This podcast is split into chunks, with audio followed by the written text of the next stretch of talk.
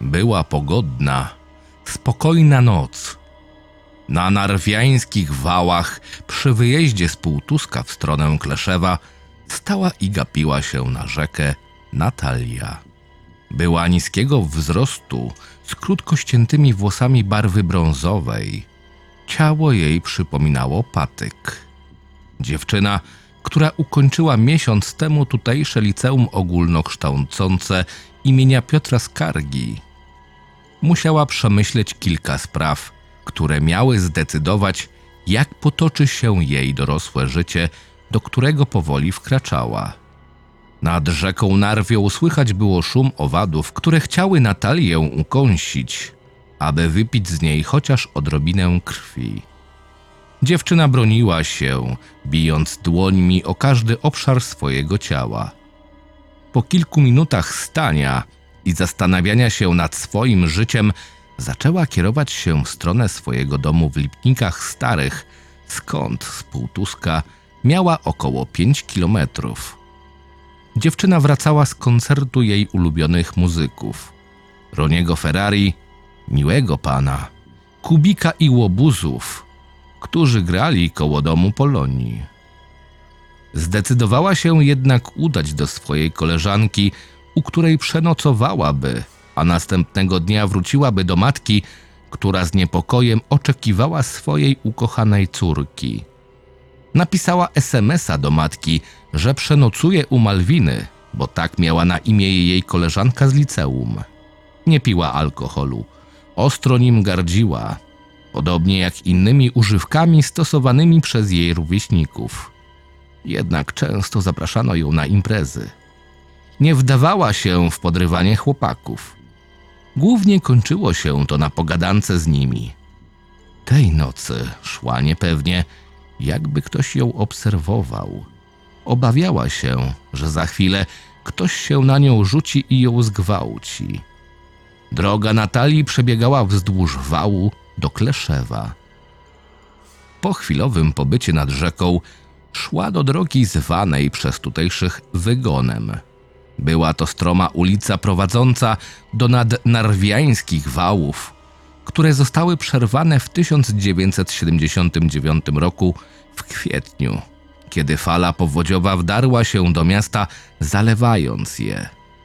Przyczyną klęski żywiołowej była ogromna zima pod koniec lat 70. ubiegłego wieku. Natalia skierowała się na chodnik, który zbudowano równolegle do drogi krajowej nr 61 relacji Augustów-Warszawa. Trasą tą co jakiś czas przejeżdżał samochód. Mijała po drodze domy, których lokatorzy zapadli w głęboki sen posiadłość właściciela spółki mleczarskiej Polmlek, niejakiego Grabowskiego oraz porośnięty grubą warstwą krzewów obiekt, który przypominał pomnik. Wyglądem przypominał półokrągły, wielki monument, na który składały się umieszczone posągi postaci w mundurach, hełmach oraz posiadające broń. Na nakryciach głowy umieszczono pięcioramienną gwiazdę. Natalia przyglądała się, jak ta gwiazda zaczyna w jakiś nieznany sposób coraz jaśniej rozpalać się na barwę czerwoną. Z niej wydobywał się dym, z której wychodziły istoty. I w tej chwili dziewczyna poczuła, że ktoś dotknął jej lewego barku. Szybko się odwróciła i jej oczom ukazał się mężczyzna w jej wieku z dużą grzywką, średnią budową ciała, ubrany w strój biegacza. Cześć Natalia, powiedział z radością. Szybko zorientowała się po głosie, kto to był. Seba? A co ty tu robisz? Przecież miałeś studiować histę na uniwerku. Zdziwiła się Natalia, rozpoznając głos, jak się okazało, swojego dawnego przyjaciela. Objęli się na powitanie. A co ty tu robisz? A wracam z koncertu przy domu Polonii. Odpowiedziała nieśmiało. Słyszałeś o nim? Dodała. Ta, wiem. Pewnie chciałabyś wrócić do domu albo u koleżanki przenocować. Zapytał. Tak, ale miałam dziś wrócić do Lipnik. Mama mnie zabije, jak się dowie, że szlajam się nocą po mieście. Bardzo tego nie lubi. Spoczko, możesz u mnie przenocować. Mieszkam niedaleko, pół kilometra stąd. Serio? Naprawdę? Zapytała dziewczyna z lekką domieszką nadziei. Ta, jutro rano cię odwiozę. Tylko poinformuj mamę, żeby wiedziała. Nie może słyszeć, że ja wróciłem ze studiów, ponieważ oskarży mnie, że cię podrywam. Dobrze. No to chodźmy. Po kilkudziesięciu minutach oboje dotarli do drewnianego, nowo urządzonego i wypielęgnowanego domku Sebastiana. Wnętrze składało się z małej kuchni, łazienki, sypialni i saloniku, który był w stanie bałaganowym. Na stole rozrzucone były sterty dokumentów. Obok stołu była walizka z niewyjętymi ubraniami przyjaciela Natalii. Dziewczyna wcześniej napisała, że przenocuje u kolegi. Ładny masz domek w środku. Dziewczyna uśmiechnęła się. Dostałem go od swojego kuzyna, który wyjechał do Francji, aby rozpocząć nowe życie. Nie wróci już zapewne do Półtuska. Oddał go w moje posiadanie. Staram się o niego doskonale dbać. Zrobić ci coś do jedzenia czy picia? Pewnie zmęczona i głodna jesteś. Powiedział lekko zawstydzony Sebastian, przeczuwając słowami Natalii, że go podrywa. Nie, dzięki. Natalia podeszła do stołu i przyglądała się dziwnym starym dokumentom. Opisywały jakieś miejsce. Wzięła jeden z nich w swoje ręce. Była to mapa jakiegoś cmentarzyska. Od razu rozpoznała charakterystyczny obiekt w kształcie półkola. Napis na górnej belce brzmiał: Plan cmentarza radzieckiego w Kleszewie. Kiedy usłyszała Sebastiana idącego w stronę saloniku, od razu położyła na poprzednie miejsce kartkę. Dlaczego już nie studiujesz? zapytała. Ukończyłem studia na licencjacie, odpowiedział, idąc w stronę salonu. A czym się teraz zajmujesz? Szukam roboty, obym szybko ją znalazł, abym miał za co żyć. A czym są te dokumenty? Natalia, lepiej ich nie ruszaj, bo jeszcze zgubisz mi jakiś. Poza tym są rzeczy, o których człowiek powinien milczeć. Badasz historię tutejszych okolic? Tak, bardzo jestem jej ciekawy, ale nie ruszaj papierów. Prześpisz się na Amerykance? Tak, spoczko. Okej, przygotuję ci jakąś pościel. A znasz cmentarz radziecki? Tutejszy znaczy? Sebastian nagle zamarł. Pościel, którą miał na rękach, opadła nagle na podłogę. Słuchaj, Natalia, ten obiekt ma historię tabu. Lepiej, aby nikt nie słyszał o tym, co tam się nocami dzieje, bo tam są rzeczy, które mogą zniszczyć psychikę każdego. Co masz na myśli? Cmentarz ten jest opętany. Co? Rozumiesz? Opętany. Lepiej nie mówić o nim nic, bo ktoś powie, że oszalałaś. Opowiesz mi o tym? Jestem ciekawa. Kiedy indziej, bo ciekawość, kochana, to pierwszy stopień do piekła. Proszę. No dobrze, ale pod jednym warunkiem. Nikt nie ma prawa o tym wiedzieć. Nikt, rozumiesz? To jest tylko między nami. Dobrze, nikomu nie powiem. Okej, przepraszam cię, że tak trochę ostro, ale nienawidzę tego miejsca tak bardzo, że odwracam się, jak przechodzę lub jadę koło niego. Zaraz ci opowiem, tylko przyniosę ci pościel. Oki. Po minucie Sebastian przyniósł ciepły, przyjemny w dotyku koc. Materiał rzucił na Amerykankę. Wziął kilka głębokich wdechów, usiadł na krześle i odwrócił się w stronę siedzącej dziewczyny z poważnym wzrokiem. Wyłączył żyrandol i uruchomił światło lampy. Natalia była początkowo trochę przerażona, ale starała się tłumić w sobie strach i uważnie posłuchać mrocznej opowieści na temat cmentarza. No to dobrze. Aby zrozumieć te dziwne rzeczy, musimy przenieść się do stycznia roku 1945, kiedy Armia Czerwona rozpoczynała wielką ofensywę na Niemcy, aby zdobyć Berlin. Walki o zdobycie przyczółka na Narwi były bardzo zażarte. Dochodziło też do aktów okrucieństwa na ludności cywilnej. Krasnoarmieńcy rabowali wszystko, co miało jakąkolwiek wartość, wywozili w nieznane na wschód przypadkowe wybrane osoby. Kobiety, niezależnie od wieku, gwałcono, a następnie zabijano strzałem w potylicę.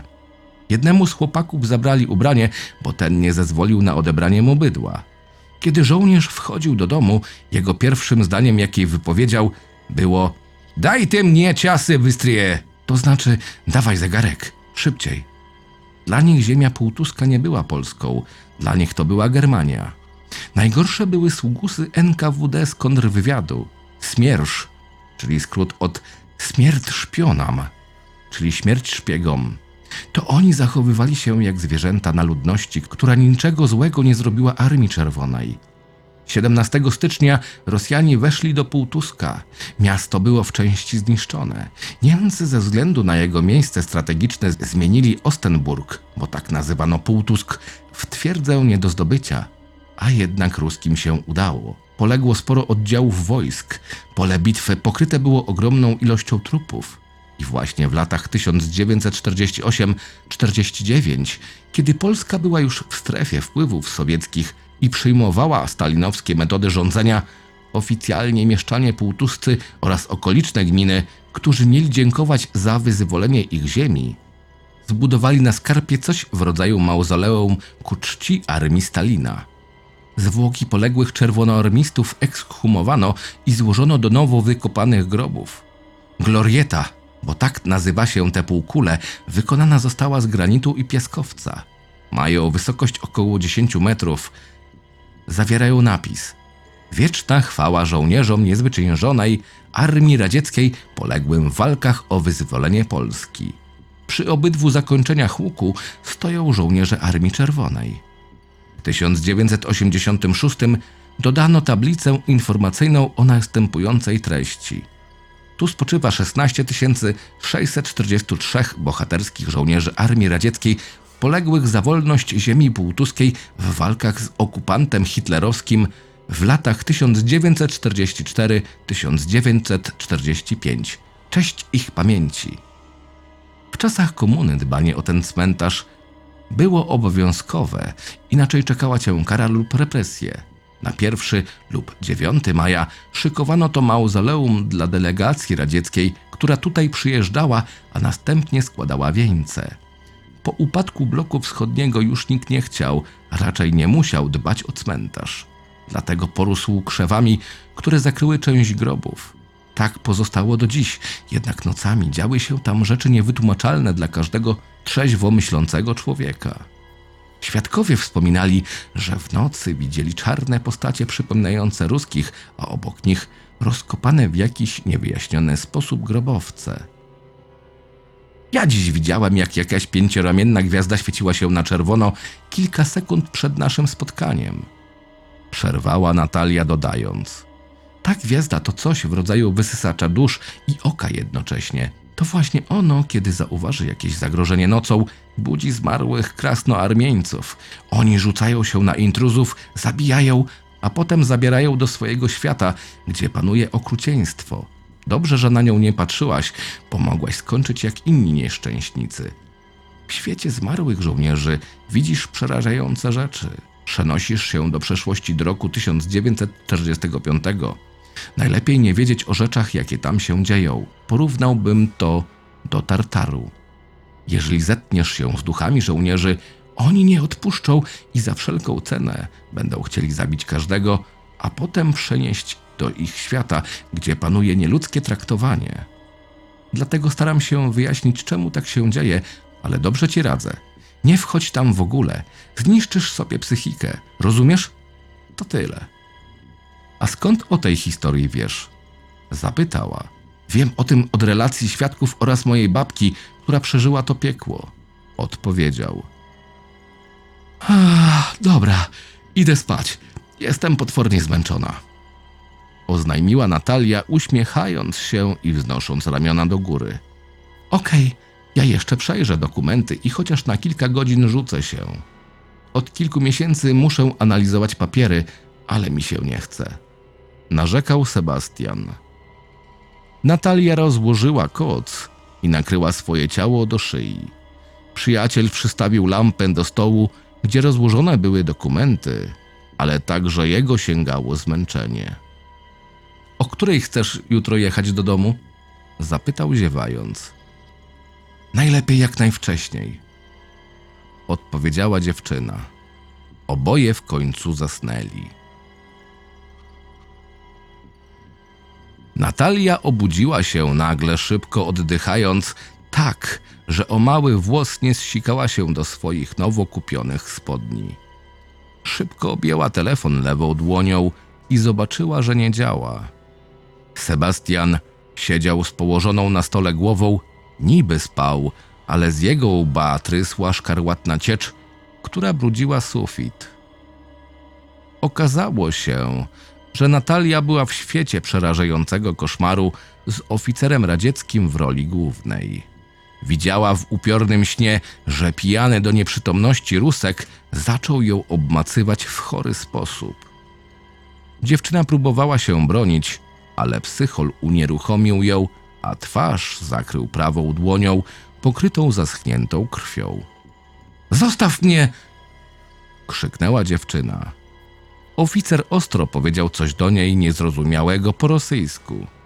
Zakroj ubijstwo, ary ty sef, ubliudok, burżuaznej polska jak nopka. Z oczu Natalii zaczęły wyciekać łzy rozpaczy i błagania. Oficer, który ubrany był w ciemno-zielony mundur oraz oficerską czapkę z czerwoną gwiazdą, wyjął ze swojego rozporka śmierdzącego wielkiego kutasa. Zaczął go wkładać pomiędzy uda dziewczyny. Tak krzyczała błagalnie, wylewała łzy. Ból w pochwie był przeszywający. Ruchy penisa były coraz szybsze i mocniejsze. Aż w końcu doszło do wytrysku białego, gorącego płynu. Natalia czuła go w swoim układzie płciowym. Po gwałcie oficer wyciągnął z kabury pistolet w stronę głowy dziewczyny i rozkazał z rosyjskim akcentem. Jeżeli Polska, kapitalistyczna kurwo, powiesz o tym komukolwiek, to cię zajebie. I wtedy Natalia się obudziła. Po załatwieniu spraw w łazience skierowała się na Amerykankę, gdzie znowu zasnęła. Tym razem nie było kolejnego koszmaru. Dziewczyna obudziła się tak, jakby się wyspała. Sebastian przyniósł jej śniadanie na stół koło Amerykanki. Zjedz i ruszamy, powiedział. Przyjaciel zrobił jej na pierwszy posiłek płatki śniadaniowe cornflakes z czekoladowym jogurtem Monte. Natalii zawsze ciekła ślinka na taki posiłek. Sebastian zjadł też płatki, tylko że owsiane z mlekiem. Po konsumpcji wspólnie szybko posprzątali salonik. Następnie wyszli z drewnianego domku i wsiedli do Nissana z 2010 roku. Fajną brykę masz. Natalia uśmiechnęła się. A ty niezły strój jak na koncert. Dzięki, kochana. Uwielbiam japońskie samochody. Powiedział odwzajemniając uśmiech. Dziękuwa Seba za nocleg. Dodała. Nie ma za co. Jechali koło cmentarza radzieckiego i nagle ich uśmiech zmienił się w powagę. Kątem oka widzieli sylwetki sowieckich żołnierzy. Sebastian przyspieszył, aby nikt z nich nie chciał tego oglądać. Droga do domu Natalii w Lipnikach zajęła pół godziny ze względu na korki, jakie codziennie były w półtusku. Kiedy dotarli do celu, oczom ukazał się pomalowany na żółto budynek z brązowym dachem, ogródkiem oraz stalową, pomalowaną na czarno balustradą balkonową. Natalia wysiadła. Jeszcze raz dziękuję ci bardzo za to, że mnie przygarnąłeś na noc. Bez ciebie szlajałabym się bez powodu. Nie ma za co, kochana. Możemy się kiedyś jeszcze spotkać. Spoko. Oby. Cześć! Dodała machając przyjacielowi. Sebastian odjechał Nissanem w drogę powrotną do Kleszewa. Natalia zapukała do drzwi. Otworzyła je osoba, której twarz była początkowo zaniepokojona. Matka była po czterdziestce, ale wyglądała na młodą kobietę. Obie były bardzo podobne do siebie. Ubrana w niebieskie leginsy oraz biały t-shirt, objęła kochaną córkę. Jak dobrze, że wróciłaś. Bardzo się o ciebie martwiłam, powiedziała z radością pani Anna. Kto cię przywiózł? zapytała dodając. Mój przyjaciel, Sebastian. A, wiem, który, ten mądrala historyczny. Zaśmiała się mama Natalii. wejdź do domu i zaraz pogadamy przy ciepłej czekoladzie. Natalia weszła do domu. Skierowała się do kuchni, gdzie usiadła wygodnie. Zaczęła rozmawiać z matką o koncercie i o noclegu u Seby. Nie wspominała, co przerażającego zobaczyła na cmentarzu radzieckim oraz śnie, który jej się przytrafił. Nie chciała niepokoić matki. Wspólnie wypiły czekoladę Wedel, potem dziewczyna przebrała się i przez cały dzień pomagała matce na podwórku. Kiedy Natalia była już u pani Anny, swojej mamy, Sebastian jechał do domu do Kleszewa. Przejeżdżając obok cmentarza radzieckiego, jego samochód zaczął dziwnie się zachowywać. Coś go zmusiło, aby tam się zatrzymał. Wykonał telefon do Natalii. Hej, Natala! Hej, Seba, co słychać? Cholera jasna, auto mi się zepsuło. Jeszcze do tego zatrzymało się przy tym opętanym cmentarzu.